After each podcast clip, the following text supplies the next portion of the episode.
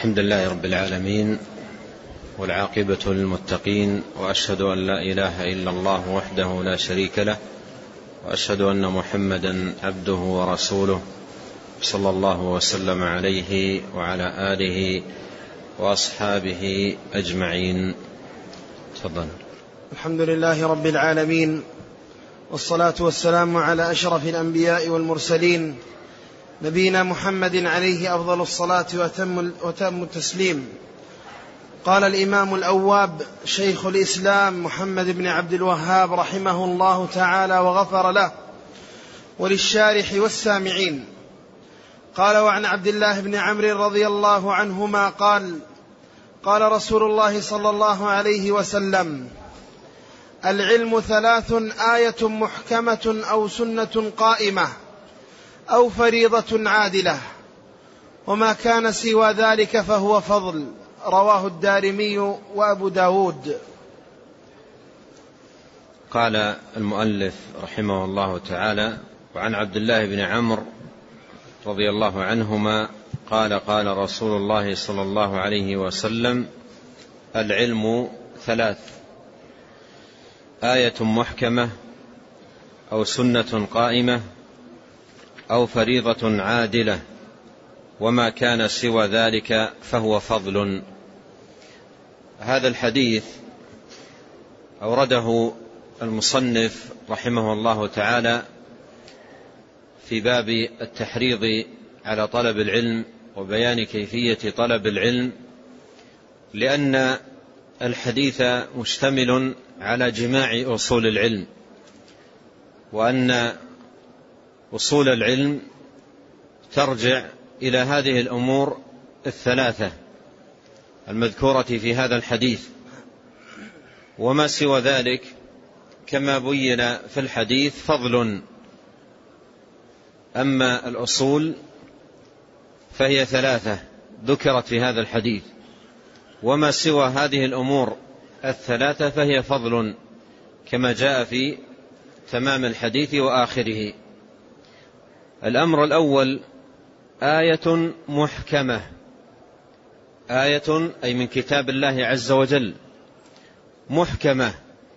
وقد عرفنا فيما سبق معنى قول الله جل وعلا هو الذي أنزل عليك الكتاب منه آيات محكمات هن أم الكتاب وأخر متشابهات. والآية المحكمة أي البينة الواضحة في دلالتها. وأيضا يراد بالآية المحكمة أي غير المنسوخة. قال آية محكمة. الأمر الثاني سنة قائمة أي سنة من سنن النبي الكريم عليه الصلاة والسلام قائمة أي متقررة وثابتة فهذا هو العلم. العلم آية محكمة أو سنة قائمة. ولهذا قال أهل العلم العلم قال الله قال رسوله. هذا هو العلم. العلم قال الله قال رسوله. قال الله آية محكمة. قال رسوله سنة قائمة. هذا هو العلم. والعلم كله يرجع إلى هذا. والأمر الثالث قال فريضة عادلة. فريضة عادلة. قوله فريضة عادلة يحتمل أحد أمرين. الأول أن يراد بالفريضة الفرائض المعروفة التي هي قسمة المواريث قسمة التركة.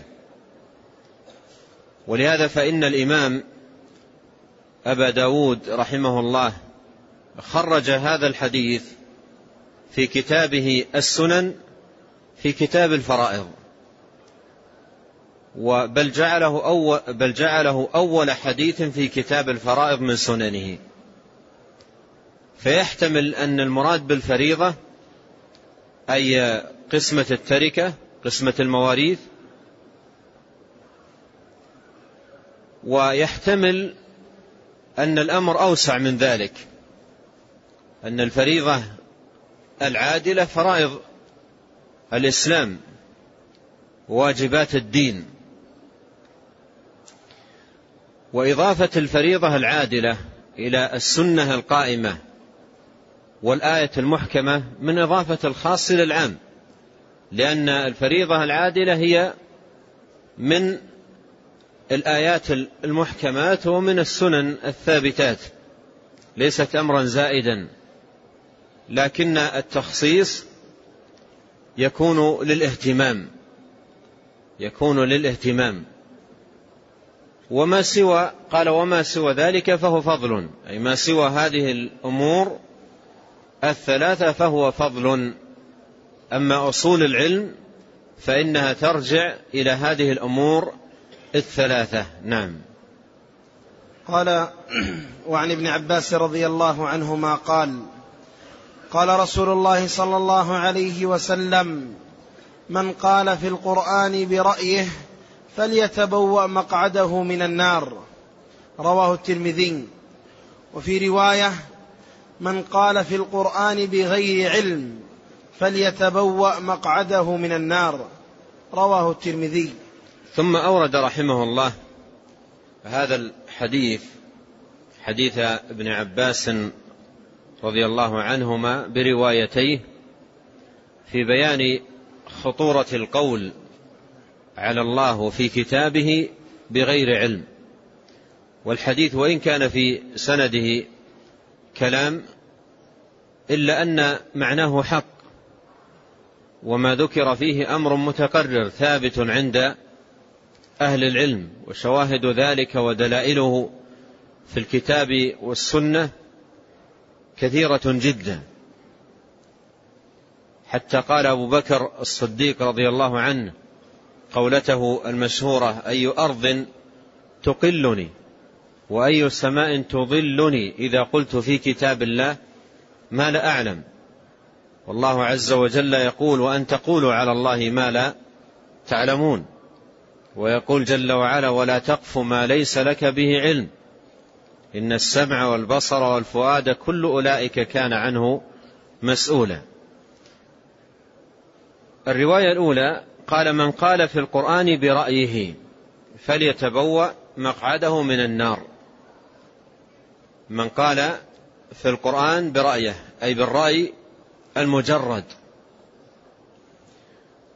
والرأي المجرد مذموم ذمه أهل العلم لما يترتب عليه من جنوح وانحراف عن الحق والصواب بينما إذا كان رأي الإنسان تبعا لكتاب الله عز وجل وسنة نبيه صلى الله عليه وسلم وعمله في حدود فهم النص لا الافتيات على النص وحرفه عن مراده ومدلوله ومقصوده فلا بأس بذلك أن يكون تبعا. ولهذا الرأي المذموم هو هو ذلك الرأي الذي تحرف فيه النصوص وتصرف عن مراداتها ويكون فيه تكلفات وخروج عن معاني ودلالات كلام الله عز وجل وكلام رسوله صلوات الله وسلامه عليه. قال من قال بالقرآن برأيه. من قال بالقرآن برأيه. وهذا باب للناس فيه فيه جرأة لا حد لها. حتى إن كثيرا من الناس يطيب له أن أي أمر يعجبه ويروق له يتمحل لنفسه الاستدلال عليه من القرآن بأنواع من التكلفات التي ما أنزل الله تبارك وتعالى بها من سلطان. يتمحل بأن يأتي باستدلالات وشواهد على ذلك من كتاب الله عز وجل. فهذا كله من القول في القرآن بالرأي. كله من القول بالقرآن في الرأي. يعمل الإنسان رأيه وفكره ويترك دلالات النصوص ومعانيها وفهم أئمة السلف لها ثم يشغل نفسه بآراء سقيمة ما أنزل الله تبارك وتعالى بها من سلطان. والشواهد على ذلك من واقع الناس حتى في زماننا فيما يتداول الناس بينهم من آراء سقيمة وفهوم سقيمة لكلام الله جل وعلا كثيرة جدا وهي من الجرأة على كلام الله عز وجل. الرواية الأخرى قال من قال في القرآن بغير علم من قال بالقرآن في القرآن بغير علم. وهذه توضح الرواية الأولى. توضح قوله من قال بالقرآن برأيه وأن, وأن القائل في القرآن برأيه قائل بغير علم في كتاب الله عز وجل. ولو كانت ولو كان المعول على الآراء المجردة ويجعل القرآن تبعا لها ما الحاجة إذن إلى القرآن؟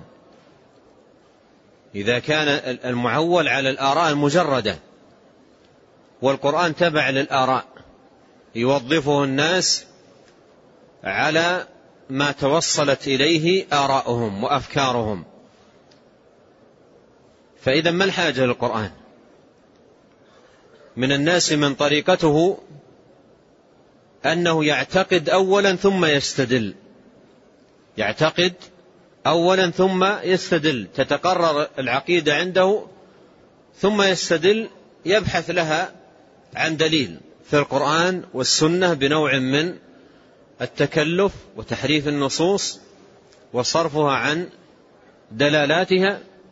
إذا كان الأمر بهذه الصفة إذا ما الحاجة إلى القرآن؟ إذا كان القرآن يجعل تابعا للآراء والفهوم التي يتوصل إليها الناس.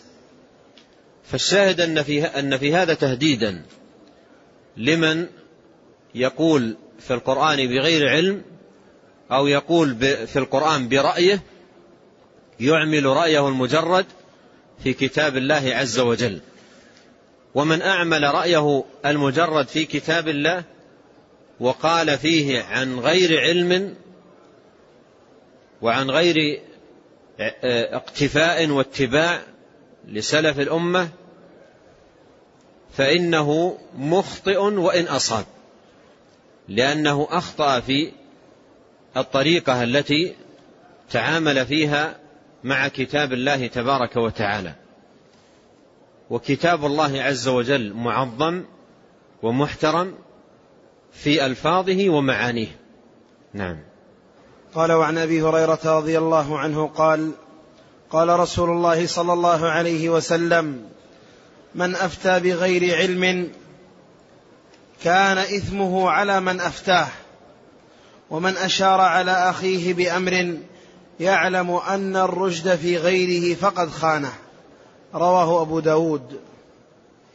ثم أورد رحمه الله هذا الحديث عن أبي هريرة رضي الله عنه عن النبي صلى الله عليه وسلم أنه قال من أفتي لعل هكذا بغير علم كان إثمه على من أفتاه.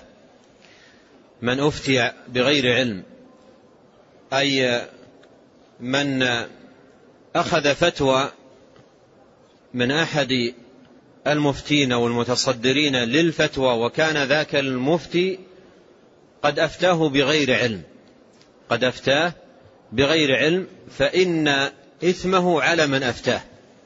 فإن إثمه على من أفتاه. وهذا فيه آه، بيان لخطورة الفتوى. بيان لخطورة الفتوى.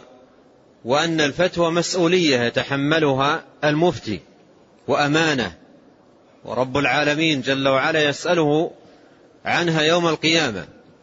فإذا أفتى شخصا أو أشخاصا بغير علم فإن إثم هؤلاء عليه. فإن إثم هؤلاء عليه لأنهم وثقوا به واطمأنوا إليه وعدوه من أهل الذكر. فاسألوا أهل الذكر إن كنتم لا تعلمون. وسألوه فأفتاهم بغير علم. فأصبحت العهدة في هذا الأمر عليه. أصبحت العهدة في هذا الأمر عليه. وهذا يبين لنا خطورة الفتوى وأنها ليست بالأمر الهين وأنها أمانة ومسؤولية. ولهذا قال بعض السلف قديما قال ناصحا من تصدر للفتوى قال لا يكن همك تخليص السائل. وليكن همك تخليص نفسك. إذا سئلت لا يكن همك متجه لتخليص السائل وليكن همك تخليص نفسك. لأن الكلام الذي ستقوله أصبح أصبحت مسؤولا عنه. أصبحت كلمة أنت تسأل عنها يوم القيامة. فلا يكن همك تخليص السائل وليكن همك تخليص نفسك. وليكن همك تخليص نفسك. بعض الناس عندما يسأل ويأتيه السائل مثلا وهو متألم من مشكلة ما ويعاني من أمر ما و ويتكلم وهو متأثر فربما عطف عليه. المفتي أو من تصدر الفتوى عطف عليه وحن لكلامه وأحب أن يعاونه أو على قول بعض العوام يفزع معه. أحب أن يعاونه. قال لا حرج عليك. هون عليك. لا حرج عليك. ليس عليك خطأ. افعل ولا حرج. مثلا ثم يذهب هذا المستفتي وتبقى العهدة على المفتي. يذهب المستفتي بهذه الفتوى وتبقى العهدة على المفتي. وهذا يكون ممن يجرؤ على الفتوى بدون علم يبادر إلى الفتوى بغير علم. وكثير من العوام إذا اطمأن للشخص ولهيئته ولمظهره استفتاه وخاصة في المواضع الحرجة التي تحتاج إلى ما يسمى فتوى فورية. أمام أمر أفعل أو لا أفعل. فتحتاج إلى فتوى فورية. ومثل هذه الأمور يحتاج من الإنسان أن ينتبه لنفسه وأن يخلص نفسه قبل أن يخلص السائل. وقد يسأل السائل ويذهب ولا يجده المفتي عندما يتبين له أنه أخطأ. فيذهب بالخطأ ولا يجده. لو أحب أن يصلح ما أفسد أو أن يصلح الخطأ الذي وقع منه قد لا يجد المستفتي. ولهذا ينبغي على الإنسان أن ينتبه وأن يحتاط وأن يكون همه تخليص نفسه. وقد قال السلف رحمهم الله قديما من أخطأ لا أدري أصيبت مقاتله. من أخطأ لا أدري يعني من أخطأ كلمة لا أدري عندما يسأل أصيبت مقاتله. إذا كان كل ما يسأل عنه يجيب بثبت وبغير ثبت أصيبت مقاتله. يكون بذلك جنى على نفسه جناية بليغة وأضر بنفسه إضرارا بليغا.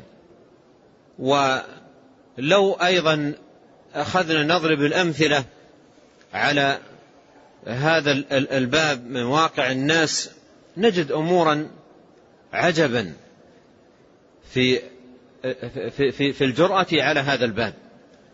فهذا الحديث فيه تحذير شديد من الجرأة على الفتوى وأن ينتبه الإنسان عندما يفتي لأنه مسؤول أمام الله تبارك وتعالى عن ذلك. وكما أيضا قيل أجرأكم على الفتوى أجرأكم على النار لأنها مسؤولية مسؤولية عظيمة وأمانة. فهذا الحديث فيه التهديد والتخويف والتحذير من هذا الأمر. قال من أفتي بغير علم كان إثمه على من أفتاه. هنا أطرح تساؤلا وأجيب عليه. حتى أيضا لا يساء فهم الحديث. قوله عليه الصلاة والسلام من أفتي بغير علم فإنما إثمه على من أفتاه. هل هذا الحديث يعد مسوغا لعوام الناس وعموم المسلمين أن يسألوا كل أحد من من يجده يسأله ويقول أفتاني وإن كان فيها إثم فإثمي على من أفتاني. فهل, فهل هذا يعد مسوغا؟ بعض العوام عنده طريقة. إذا كان يرغب في شيء معين مثلا طريقة معينة من البيع. يريد أن يشتري بطريقة معينة من البيع. فيذهب ويستفتي أكثر من واحد إلى أن يجد أحد المفتين يفتيه في رغبته. إلى أن يجد أحدا يفتيه في رغبته. وكل واحد منهم يطرح عليه السؤال بصيغة معينة يحاول من خلالها أن يكسب منه جوابا لما يرغب. وبعضهم يصل به الأمر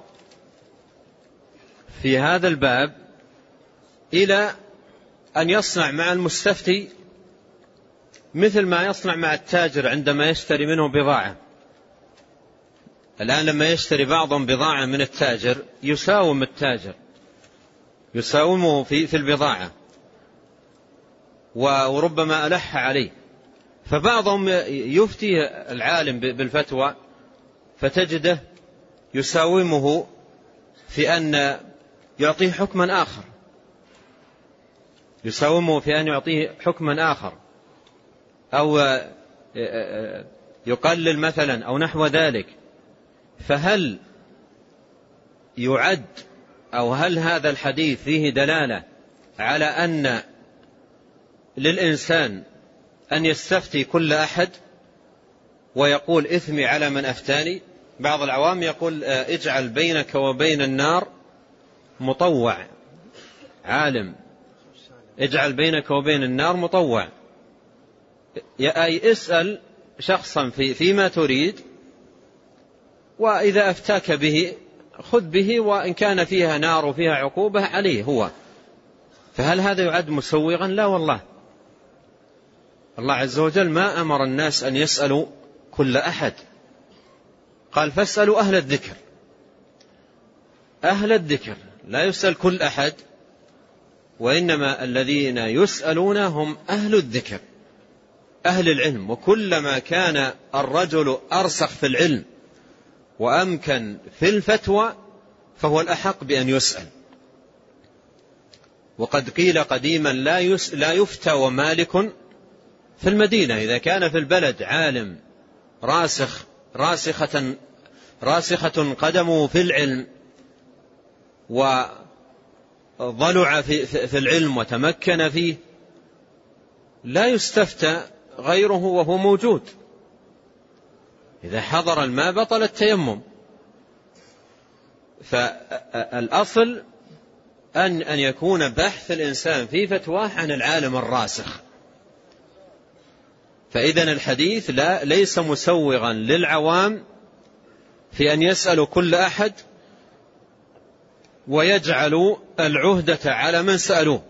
فإن ذمتهم لا تبرأ بذلك. لماذا؟ لأنهم لم يحققوا مدلول قول الله تبارك وتعالى فاسألوا أهل الذكر إن كنتم لا تعلمون. الشق الأول من الحديث يتعلق بالفتوى. قال من أفتي بغير علم كان إثمه على من أفتاه ومن أشار على أخيه هذا الشق الثاني ومن أشار على أخيه بأمر يعلم أن الرشد في غيره فقد خانه. ومن أشار على أخيه بأمر يعلم أن الرشد في غيره فقد خانه. هذه تعد خيانة. وهذا الجانب من الحديث في باب المشورة والنصح للمشاور وأن, المشا... وأن المستشار مؤتمن وأن المشا... المستشار مؤتمن. فإذا كان المستشار أي من, اطم... من اطم... اطمأن أخوه لرأيه فاستشاره في أمر من أموره ومصلحة من مصالحه فأشار إليه بأمر يعلم أن الرشد خلافة فهذه خيانة له. فهذه خيانة له. فإذا جانب الحديث الأول يتعلق في الفتوى وجانب الحديث الآخر يتعلق بجانب المشورة وإبداء الرأي في في المصالح العامة ونحوها ويبين فيه صلوات الله وسلامه عليه أن من أشار على أخيه بأمر يعلم أن الرشد خلافه فهي خيانة. فهي خيانة. بعض الناس عندما يستشار لا يعمل فكره في بيان الأصلح والأنفع لمن استشاره بل يعمل فكره في توريط من استشاره. في توريط من استشاره وإيقاعه في في العواقب الردية. ويستغل استشارته له لمثل هذه الأغراض. فهذه تعد خيانة. وهي داخلة في عموم قول النبي صلى الله عليه وسلم في أوصاف المنافقين إذا اؤتمن خان. إذا ائتمنه في في الأخذ برأيه ثم أعطاه رأيا هو في نفسه يعلم أنه خلاف الرشد. فهذه تعد تعد خيانة. نعم. لعل والله تعالى أعلم إراد المصنف لهذا الحديث في في باب التحريض على طلب العلم وكيفية الطلب التنبيه لطالب العلم ألا يندفع في باب الفتوى وباب الرأي لا سيما عندما يحصل طرفا يسيرا وقليلا من العلم لا يندفع بل يتأنى ويحاول أن, أن, أن, أن يحيل الفتوى ويتخلص منها. كانوا يتدافعون الفتوى لا يتسابقون إليها كانوا يتدافعون الفتوى. ويأتيه الشخص ويقول اذهب إلى فلان. ويذهب إلى فلان ويقول اذهب إلى فلان. لماذا؟ لأنها مسؤولية. وإذا كان هناك من هو أعلم وأولى بالفتوى وأجدر فيحال إليه. يحال إليه ويتخلص المسؤول من مسؤولية الكلمة ومسؤولية الفتوى.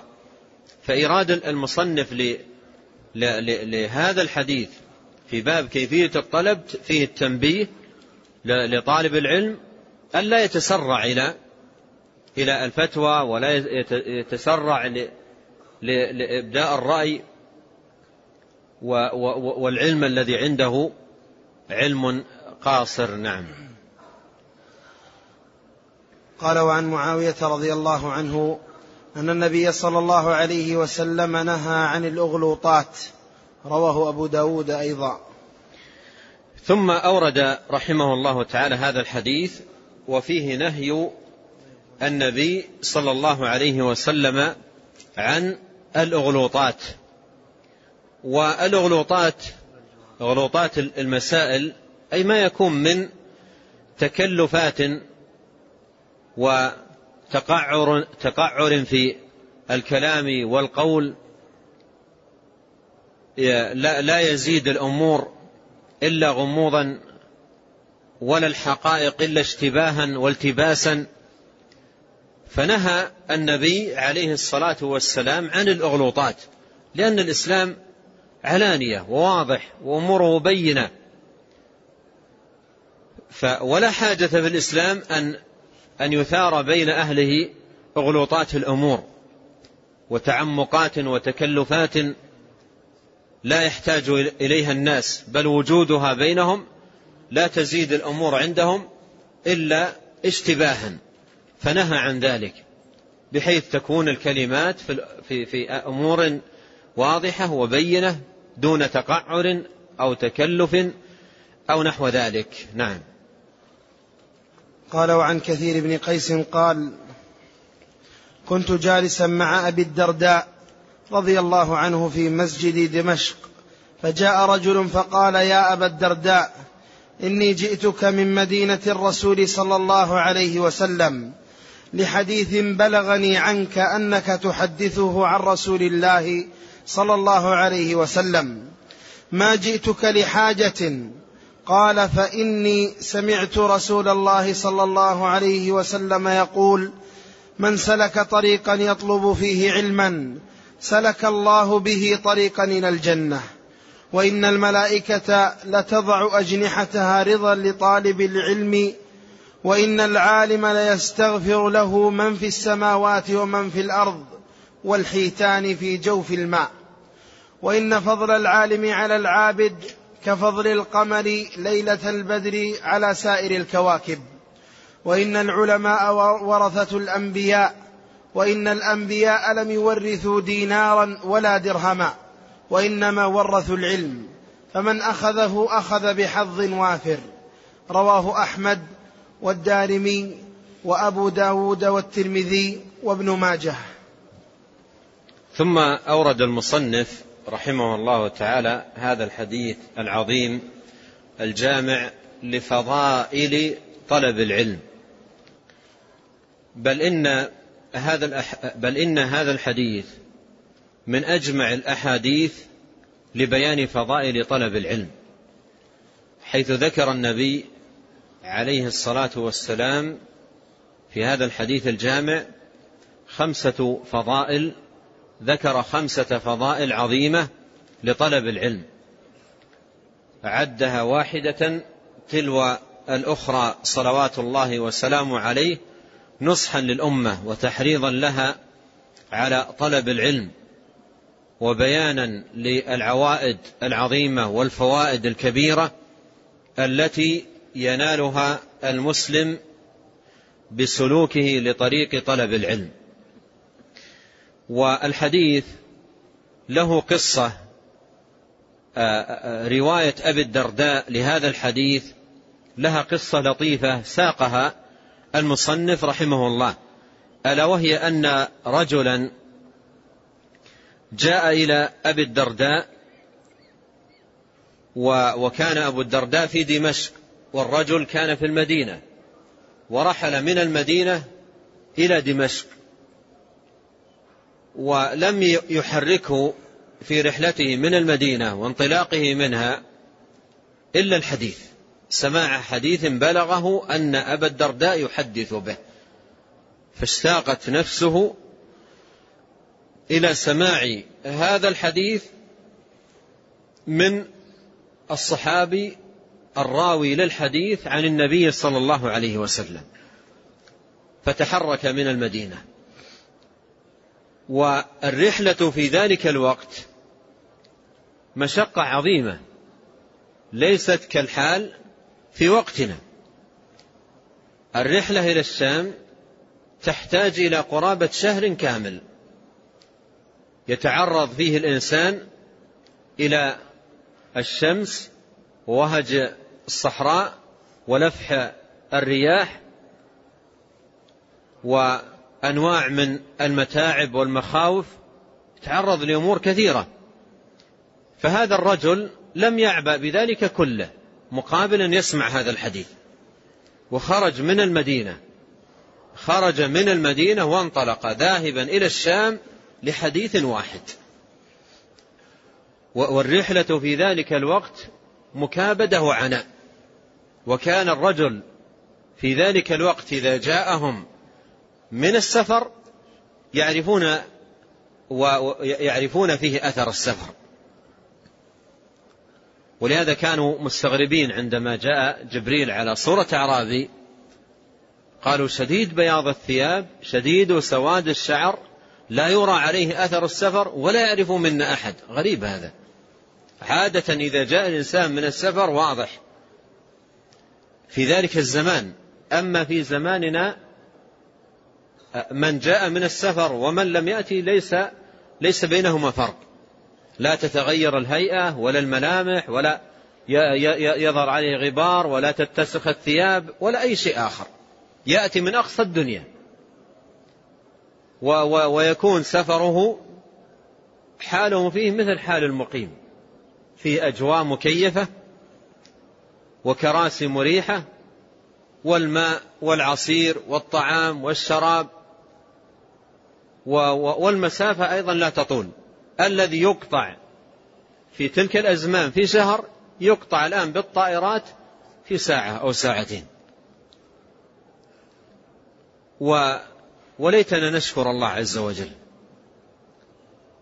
ليتنا إذا, إذا ركبنا هذه الوسائل التي من الله علينا بهذا الزمان نقول سبحان الذي سخر لنا هذا. وما كنا له مقرنين أي مطيقين. وإنا إلى ربنا لمنقلبون.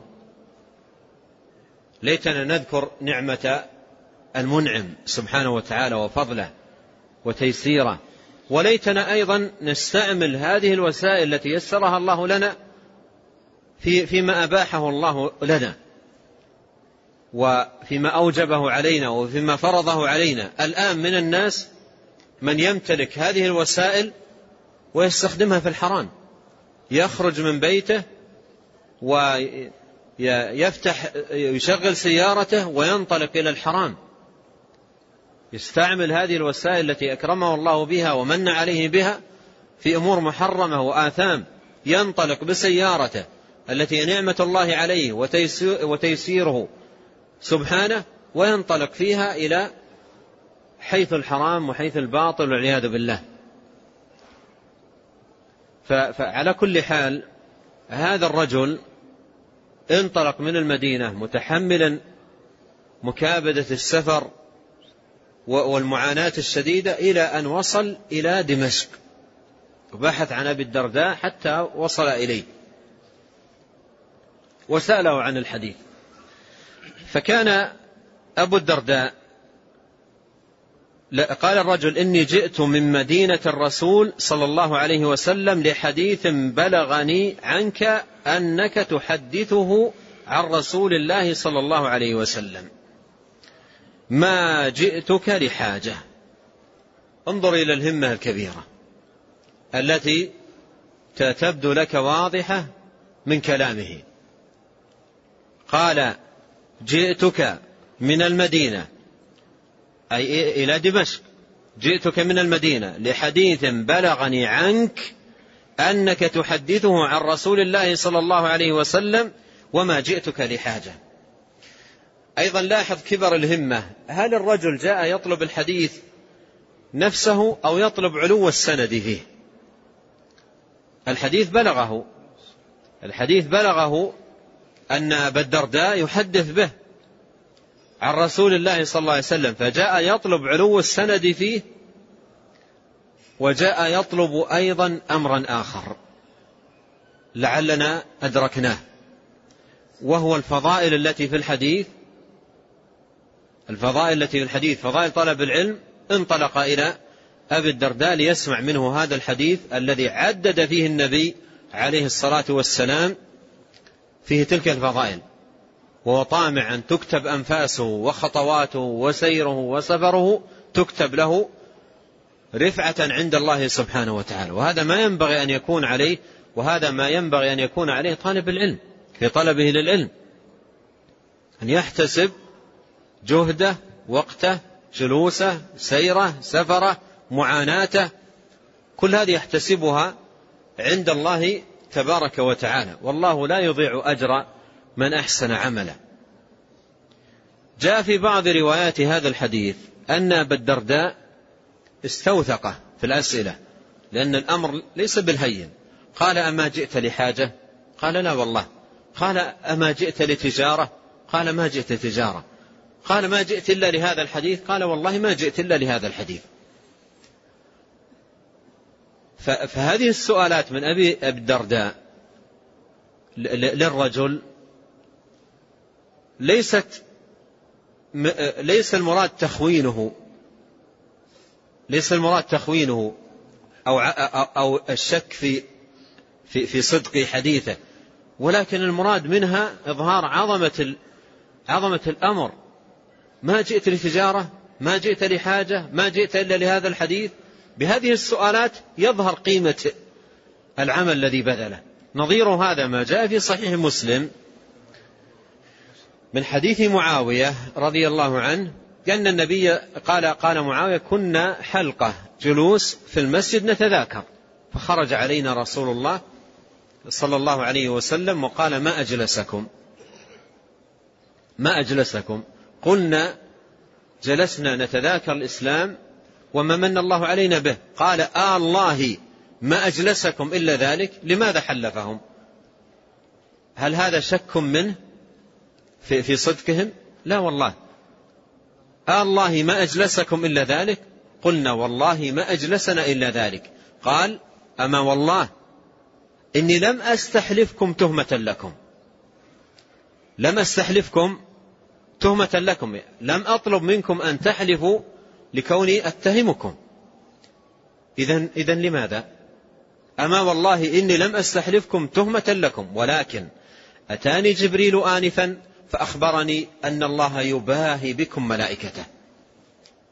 أتاني جبريل آنفا فأخبرني أن الله يباهي بكم ملائكته. أمر في غاية العظمة. فإذا أبو الدرداء رضي الله عنه في تلك السؤالات كان أراد أن يبرز قيمة هذه الهمة العالية في طلب العلم وتحصيل العلم. ثم روى له الحديث. قال فإني سمعت رسول الله صلى الله عليه وسلم يقول من سلك طريقا يطلب فيه علما سلك الله به طريقا إلى الجنة وإن الملائكة لتضع أجنحتها رضا لطالب العلم وإن العالم ليستغفر له من في السماوات ومن في الأرض والحيتان في جوف الماء وإن فضل العالم على العابد كفضل القمر ليلة البدر على سائر الكواكب وإن العلماء ورثة الأنبياء وإن الأنبياء لم يورثوا دينارا ولا درهما وإنما ورثوا العلم فمن أخذه أخذ بحظ وافر. فذكر هذا الحديث العظيم المشتمل على خمس جمل مشتملة على خمسة فضائل لطلب العلم. الفضيلة الأولى قال من سلك طريقا يطلب فيه علما سلك الله به طريقا إلى الجنة. هذه الفضيلة الأولى أن طلب العلم طريق للجنة. أن طلب العلم طريق إلى الجنة. وتأمل هذا في قوله تعالى ادخلوا الجنة بما كنتم تعملون والعمل لا بد فيه من علم. والعلم قبل القول والعمل. ولهذا فهي أمور آه، منتظمة. كل واحد منها آخذ بالآخر. طلب للعلم ومعرفة له ولقدره ولفضله ولتفاصيله. ثم عمل وجد واجتهاد على بصيرة وبينة ثم منة عظمى وكرامة كبرى يوم القيامة بالفوز برضا الله سبحانه وتعالى ودخول جنات النعيم. فمن سلك طريقا يطلب فيه علما سهل الله له به طريقا إلى الجنة. وقوله هنا سهل الله له به طريقا إلى الجنة فيه لفتة عظيمة جدا في فضل العلم. العلم عندما يصدق صاحبه في الطلب يسهل له الأعمال يسهل له الأعمال ويلين له الطاعات. الطاعات والأعمال لا لا تلين لصاحبها إلا بالعلم. وهذا أمر واضح لأن العلم تدرك به فضائل الأعمال الصحيحة. وآثارها وعوائدها الحميدة وأيضا تدرك به خطورة آه، التقصير فيها والانتقاص لها. فيكون العلم حاجزا لصاحبه عن الرذائل باعثا له إلى بلوغ أعلى الرتب في الفضائل. فالعلم من آثاره المباركة وعوائده الطيبة على صاحبه أنه يلين له الطاعات. وفي الوقت نفسه أيضا يبغض له المعاصي والآثام. فيخرج من من العلم بنفس مطمئنة بقلب منشرح بإيمان بنور بضياء يهتدي به. ولهذا قال ابن القيم رحمه الله في بعض كتبه أن العبد يحتاج من أجل أن يبلغ الرتب العالية يحتاج إلى أمرين.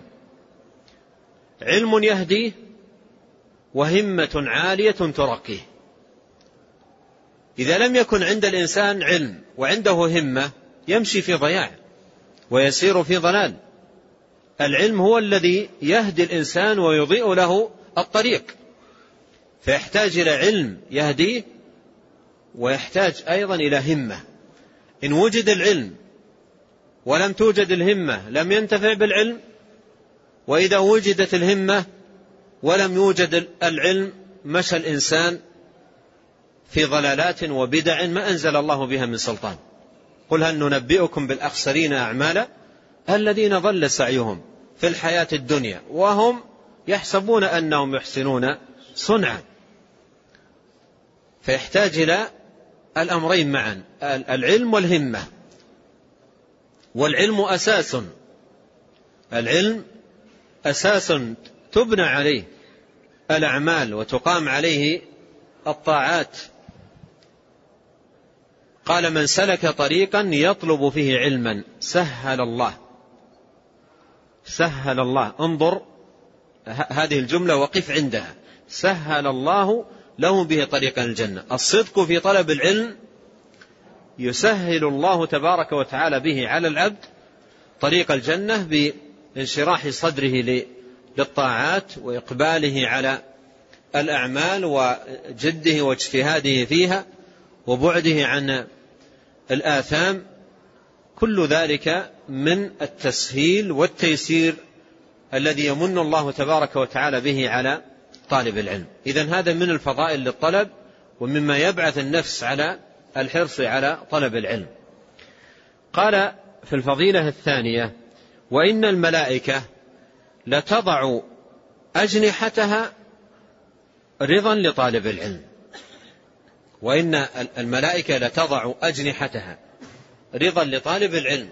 الملائكة لها أجنحة كما قال الله جاعل الملائكة رسلا أولي أجنحة مثنى وثلاث ورباع يزيد في الخلق ما يشاء. وقد رأى النبي صلى الله عليه وسلم جبريل وله ستمائة جناح. فالملائكة لها أجنحة. ومن الملائكة من وكل الله عز وجل إليهم تتبع آه، حلقات العلم ومجالس العلم. إن لله ملائكة فضلا كما جاء في في الحديث يطلبون حلق حلق الذكر. فإذا وجدوها قالوا هلم إلى حاجتكم. هذه مهمتهم. يجولون ويطوفون. وإذا وجدوا حلقة ذكر تنادوا. هلم إلى إلى حاجتكم. فيحفون مجالس العلم بالأجنحة ويضعون ويضعون أجنحتهم لطالب العلم رضا بما يصنع أي بصنيعه. وهذا الأمر وإن كان طلاب العلم لا يرونه وإن كان طلاب العلم لا يرونه لأنه أمر مغيب وهذا من الإيمان بالغيب.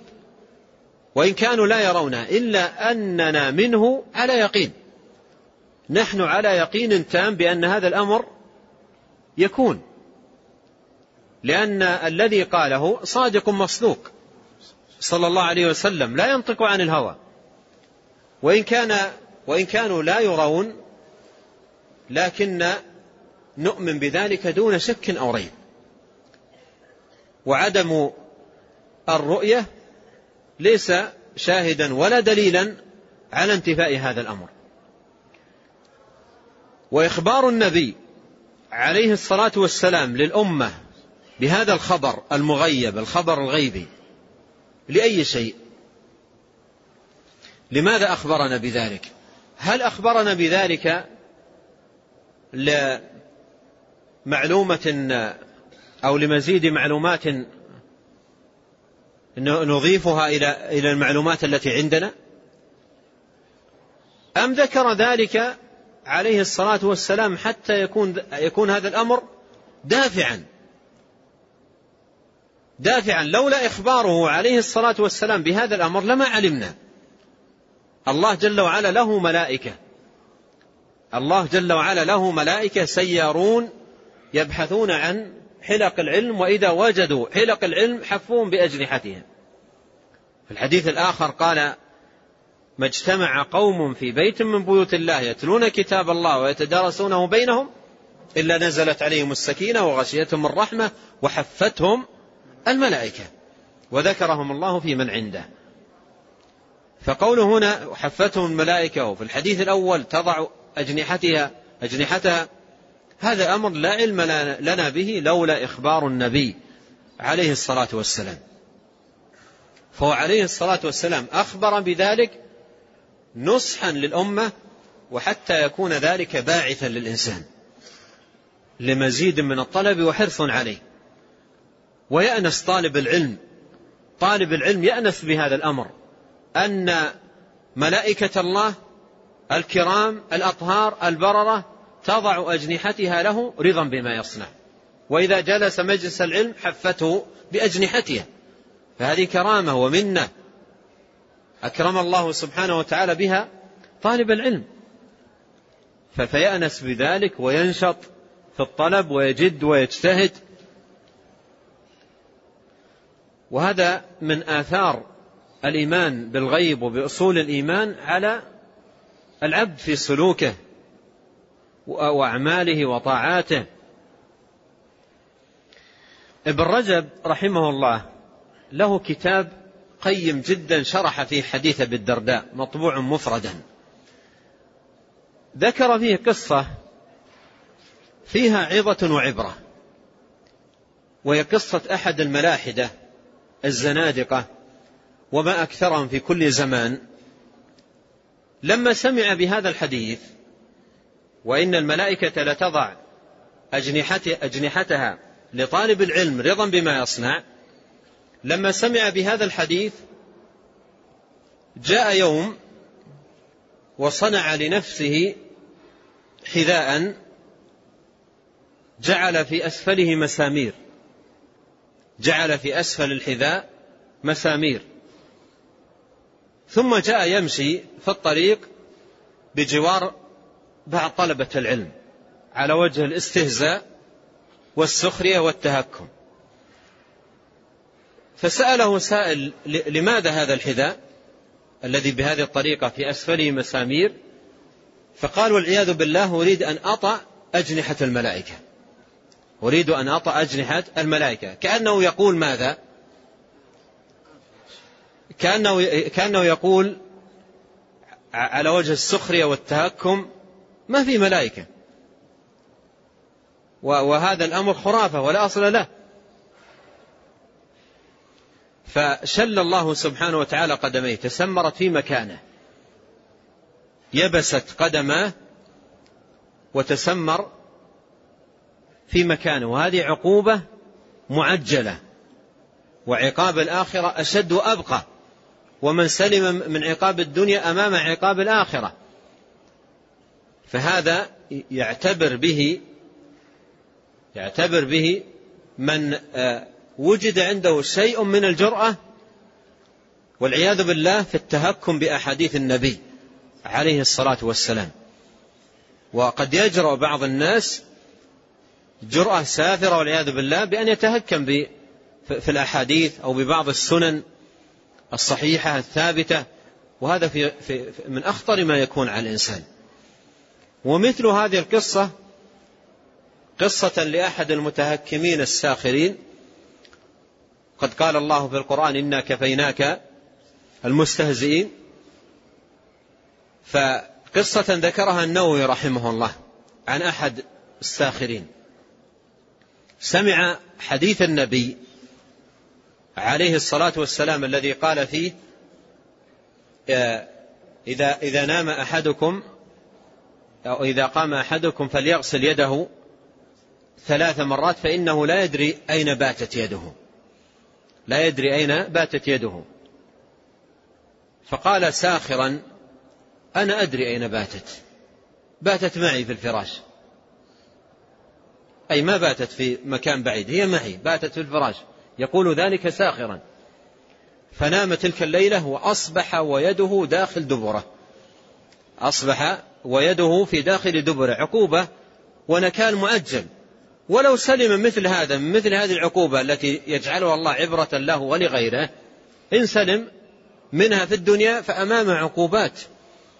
وكم من المصائب التي تدهى بعض الناس في حياته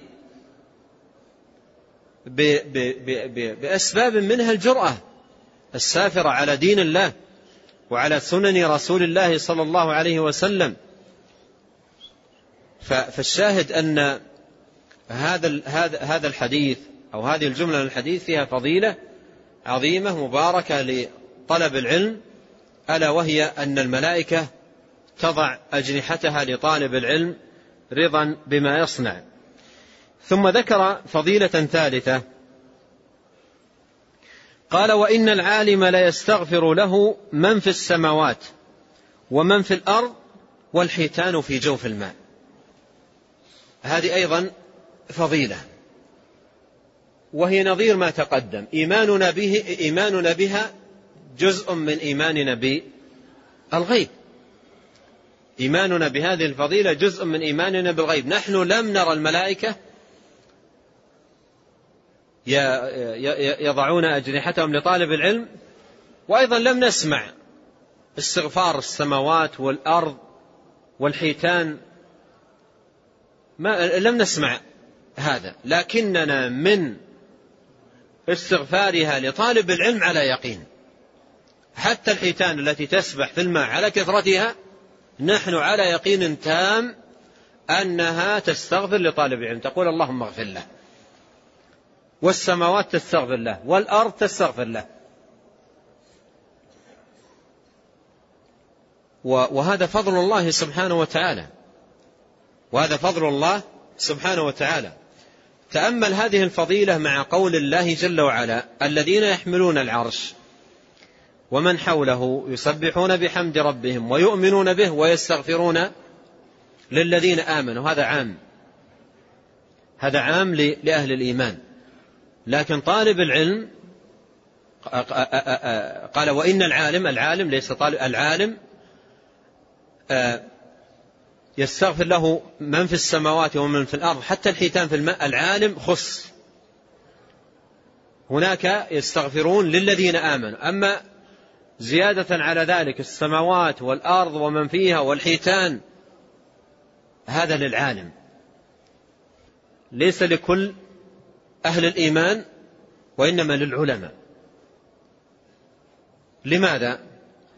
ما الحكمة أن العالم خص بأن تستغفر له السماوات وتستغفر له الأرض وتستغفر له الحيتان في الماء. أهل العلم أخذوا يبحثون عن بعض الحكم لا يجزم بها لكن أشياء يتلمسونها.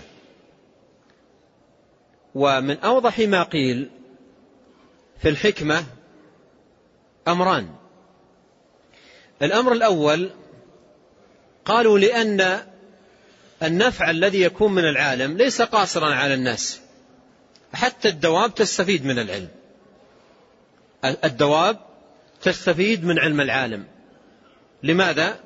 لأن العوام والجهال وعموم الناس يسمعون دائما من أهل العلم الحث على الرفق بالحيوان واللطف ببهيمة الأنعام ورحمتها والإحسان إليها ويروون لهم الأحاديث في ذلك.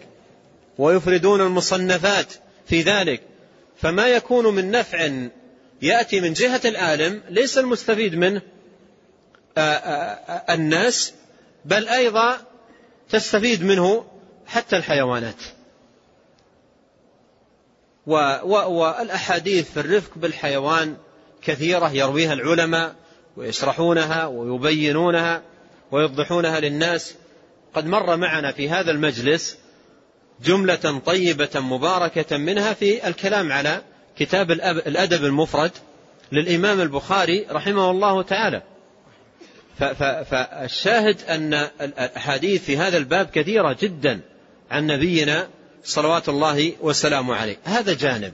هذا أمر. قيل في الحكمة. لكن هناك أمر أوضح من هذا وأجل وأعظم من هذا الأمر. ألا وهو أن هذه الكائنات السماوات الأرض من فيها الجبال الأشجار الدواب كلها مسبحة لله مطيعة لله عابدة لله جل وعلا ساجدة لله خاضعة لله تسبح له السماوات السبع والأرض ومن فيهن وإن من شيء إلا يسبح بحمده ولكن لا تفقهون تسبيحهم فهذه الكائنات والمخلوقات الجمادات منها والحيوانات كلها مسبحة وساجدة لله وكثير من الناس وكثير حق عليه الضلال. فاستغفار هذه الكائنات للعالم لأنه يعمل عملا دؤوبا في إصلاح الناس لأن يحققوا العبودية التي خلقوا لأجلها وأوجدوا لتحقيقها وهذه الكائنات عابدة لله. فيتستغفر له لأنه يصلح لأنه يصلح الفساد الذي يكون في الناس والخروج الذي يكون في الناس عن العبودية التي خلقوا لأجلها وأوجدوا لتحقيقها. وفساد الناس بخروجهم عن التوحيد وعن الطاعة يفسد الكون ويضر به. ظهر الفساد في البر والبحر بما كسبت أيدي الناس. فعمل العالم في إصلاح الناس ودعوتهم صلاح للكون. صلاح للناس صلاح للأرض صلاح للبحار. فهذه حكمة أخرى قيلت في استغفار من في السماوات ومن في الأرض حتى الحيتان في الماء للعالم. قال عليه الصلاة والسلام وإن العالم ليستغفر له من في السماوات ومن في الأرض والحيتان في جوف الماء. وأيضا لاحظ تعبير النبي عليه الصلاة والسلام هنا بقوله في جوف الماء ولم يقل في الماء تنبيها إلى أن إلى أن الحيتان المستغفرة حتى من كان فيها في أعماق الماء وفي لجج البحار وأعماق البحار أيضا تستغفر للعالم ليست. ليست فقط الحيتان المستغفرة هي الحيتان التي على الشواطئ والقريبة بل ما كان منها في جوف الماء وما أكثرها كلها تستغفر للعالم تستغفر العالم. فهذا من من الفضائل التي تحرك في الإنسان طلب العلم حتى يكون من الأشياء التي يحوز عليها ويحظى بها هذه الفضيلة العظيمة. ثم ذكر الأمر الرابع قال وإن فضل العابد وإن فضل العالم على العابد كفضل القمر ليلة البدر على سائر الكواكب. وهذا مثل عظيم جدا ذكره النبي صلى الله عليه وسلم ليبين من خلاله التمايز والتفاضل بين العالم والعابد. وكأنه يقول لك عليه الصلاة والسلام إذا أردت أن تعرف الفرق والتفاضل بينهما فتعال يوم الخامس عشر أو الرابع عشر من الشهر وانظر إلى السماء. وانظر إلى السماء. فترى القمر وترى النجوم. ترى القمر وترى النجوم. إذا نظرت إلى النجوم تجد أن في نفسها جميلة. في نفسها جميلة. وزينة. ومنظرها جميل. وتحب تحبها. في شيء طيب وجميل ومنظر طيب وجميل لكنها لا تضيء. لا تضيء لك. لأنك إذا جئت في آخر الشهر عندما يذهب ضوء القمر تظلم الأرض. والنجوم الذي في السماء لا تضيء لك الطريق. وتصبح ليلة ظلماء. إذا لم يكن معك مصباح قد لا ترى طريقك. لكن في, في ليلة البدر ليلة الرابع عشر عندما يكون البدر تماما تجد الأرض مضيئة. فتدرك الفرق بين النجوم وبين القمر. أيضا الفرق بين العالم والعابد هو هذا. العابد العابد عبادته لنفسه من صلاة وصيام وصدقة و وبر وغير ذلك هذا نفعه قاصر عليه خاص به. أما العالم فعلمه ليس خاصا به بل ضياء للناس وضياء للأمة ونفع للخلق. مثل ضوء القمر في, ليلة الرابع عشر يضيء الدنيا. والعالم ضياء ضياء للناس ونور بما يبين لهم من العلم والهدى والحق والخير. ولهذا قال بعض أهل العلم قديما لولا العالم أي بفضل الله سبحانه وتعالى لكان الناس مثل البهائم. كيف يعرف الناس الدين؟ وكيف يعرفون الأحكام؟ وكيف يعرفون الطهارة؟ وكيف يعرفون كيف يطلق كيف ينكح كيف يصلي كيف يصوم إلا عن طريق العالم. حتى بعض الناس الذين يتجرؤون على بعض العلماء بالوقيعة بهم إذا وقع في أمر وإشكال يتعلق بالدين وكان حريصا على معرفة الحق فيه يذهب إلى العالم الذي كان يطعن فيه ويسأله. فالعلماء ضياء العلماء ضياء ونور للناس. إذا هذا الحديث يبين الفرق بين العالم والعابد كالفرق بين القمر والنجوم. بعض العلماء ذكر لطيفة في تشبيه العالم بالقمر. القمر كما هو معروف ضوءه من ضوء الشمس.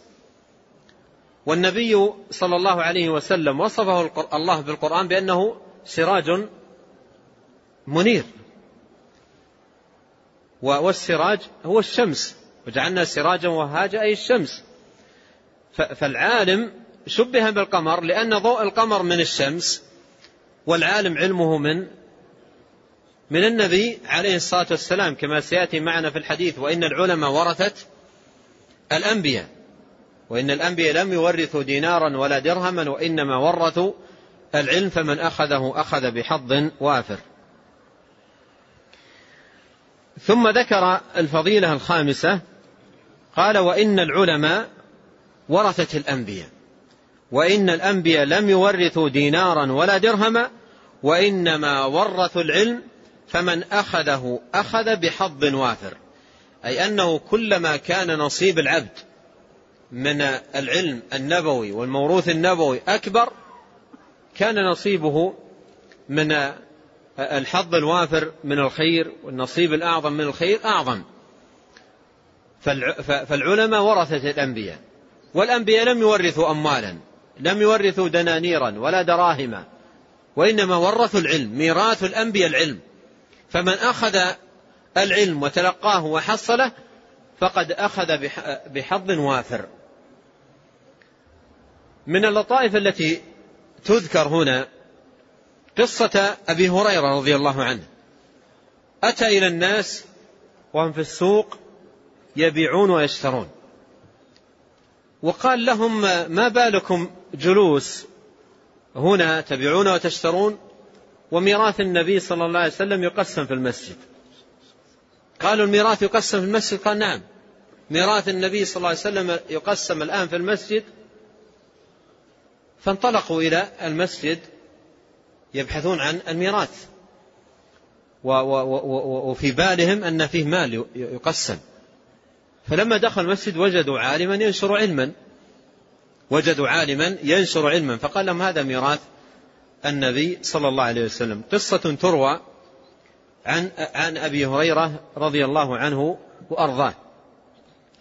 فالعلماء ورثة الأنبياء وهم أيضا الذين يقسمون هذا الميراث بين الناس ولا يزال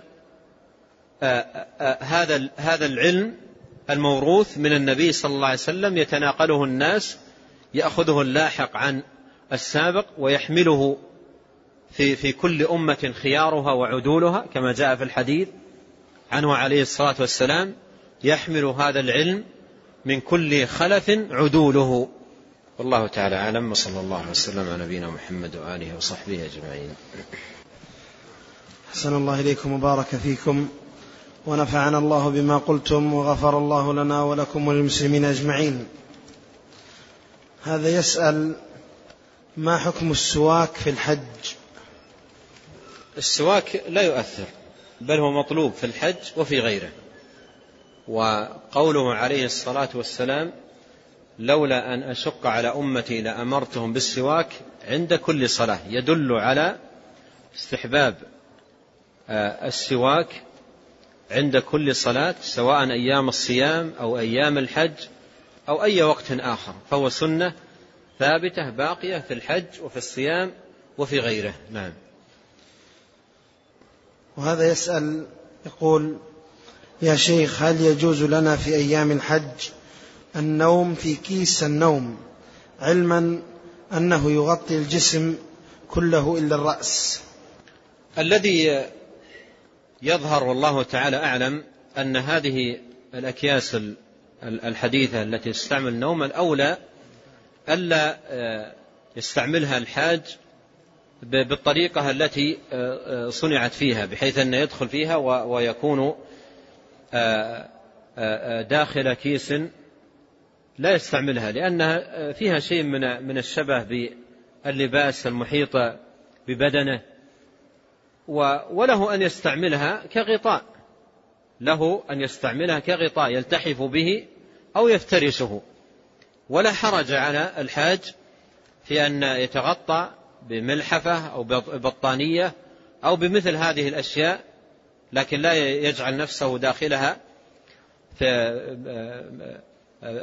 كما صنعت بحيث أنه يكون في داخل كيس لا يستعملها بهذه الصفة. الحاج له أن يغطي نفسه ببطانيتين أو ثلاث ولا يغطي رأسه. لا يغطي رأسه. ولو فرض أن البرد شديد خاصة في في مزدلفة في, في تلك الليلة ينام الناس في الغالب في العراء. وإذا كان البرد شديد والهواء أيضا متحرك ويخشى الإنسان على نفسه من الزكام أو من المرض ورغب أن يغطي رأسه اتقاء للمرض فلا بأس بذلك لكن يفدي فدية الأذى. إذا اضطر يغطي رأسه ولكن يفدي فدية الأذى الأذى وهي وهو مخير في ذلك بين أمور ثلاثة ففدية من صيام أو صدقة أو نسك. يصوم ثلاثة أيام أو يطعم ستة مساكين أو يذبح شاة لفقراء الحرم.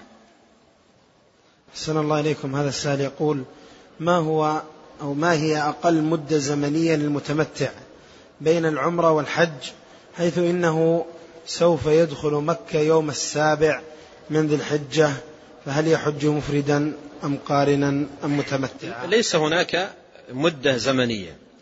بل يعد متمتعا لو أنه طاف وسعى وقصر وتحلل ثم أهل بالحج فهو في هذه الحال متمتعا. لو كان لم يبقى حلالا إلا لحظات يسيرة أو بقي حلالا أياما. فهو في هذا يعد متمتعا. نعم. والله أعلم وصلى الله وسلم على عبده ورسوله نبينا محمد وآله وصحبه أجمعين.